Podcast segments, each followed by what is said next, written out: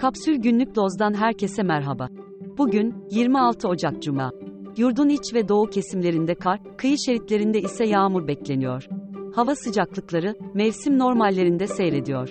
Şimdi haberler. Avrupa Konseyi raporuna göre, Türkiye'de son yıllarda, gözaltı ve cezaevlerinde kötü muameleyle birlikte, işkence de arttı. Avrupa Konseyi Parlamenter Meclisi yani AKPM, konsey üyesi bazı ülkelerde, gözaltında kötü muamele şikayetleri alındığına yer veren, bir karar oyladı. Oturuma katılan 67 parlamenterden, 66'sının oyunu alarak kabul edilen kararda, AKPM Türk heyetinden, sadece DEM Partili Berdan Öztürk yer aldı. Öztürk, karar lehinde oy kullandı. Karar metninin Türkiye'ye ilişkin bölümünde, resmi makamların, işkence ve kötü muameleye sıfır tolerans mesajı hatırlatıldı. Kötü muamelenin yasaklanması hakkında, Anayasa Mahkemesi'nin son yıllarda aldığı kararların, memnuniyet verici olduğu belirtilip, diğer yargı organlarına bu kararları uygulama çağrısı yapıldı. 6 Şubat depremlerinde kaybolan çocuklara yönelik, İyi Parti'nin mecliste verdiği araştırma önergesi, AKP ve MHP oylarıyla reddedildi. Bakanlık kayıp çocuk olmadığını duyurdu, ancak Afet Çocuk Sivil Koordinasyon Ekibi, sadece kendilerinde olan listede, 300'e yakın çocuk olduğunu söyledi.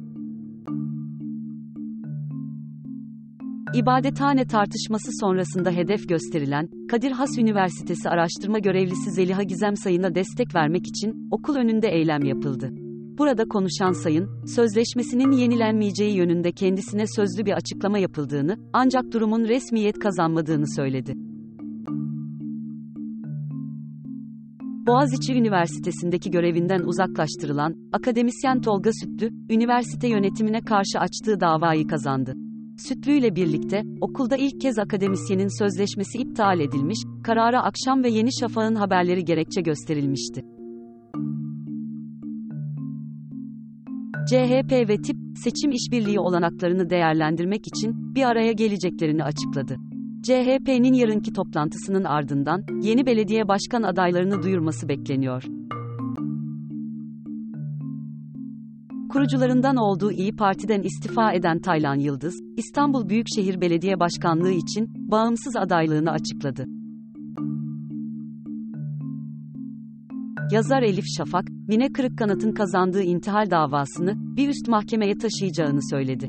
Davaya konu olan Bit Palas romanının yayıncısı Doğan Kitap üzerinden açıklama yapan Şafak, davanın kişisel takıntı ve art niyetle açıldığını savundu.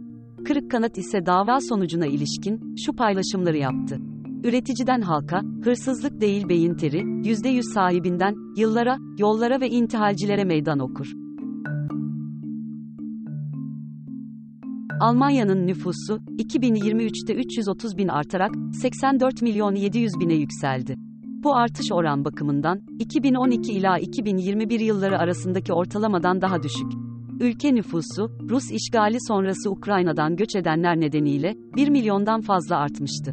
Almanya'da geçen yıl, yaklaşık 700 bin doğum gerçekleştiği tahmin edilirken, 1 milyondan fazla kişi ise öldü. Bu da artışın, göçten kaynaklı olduğunu gösteriyor.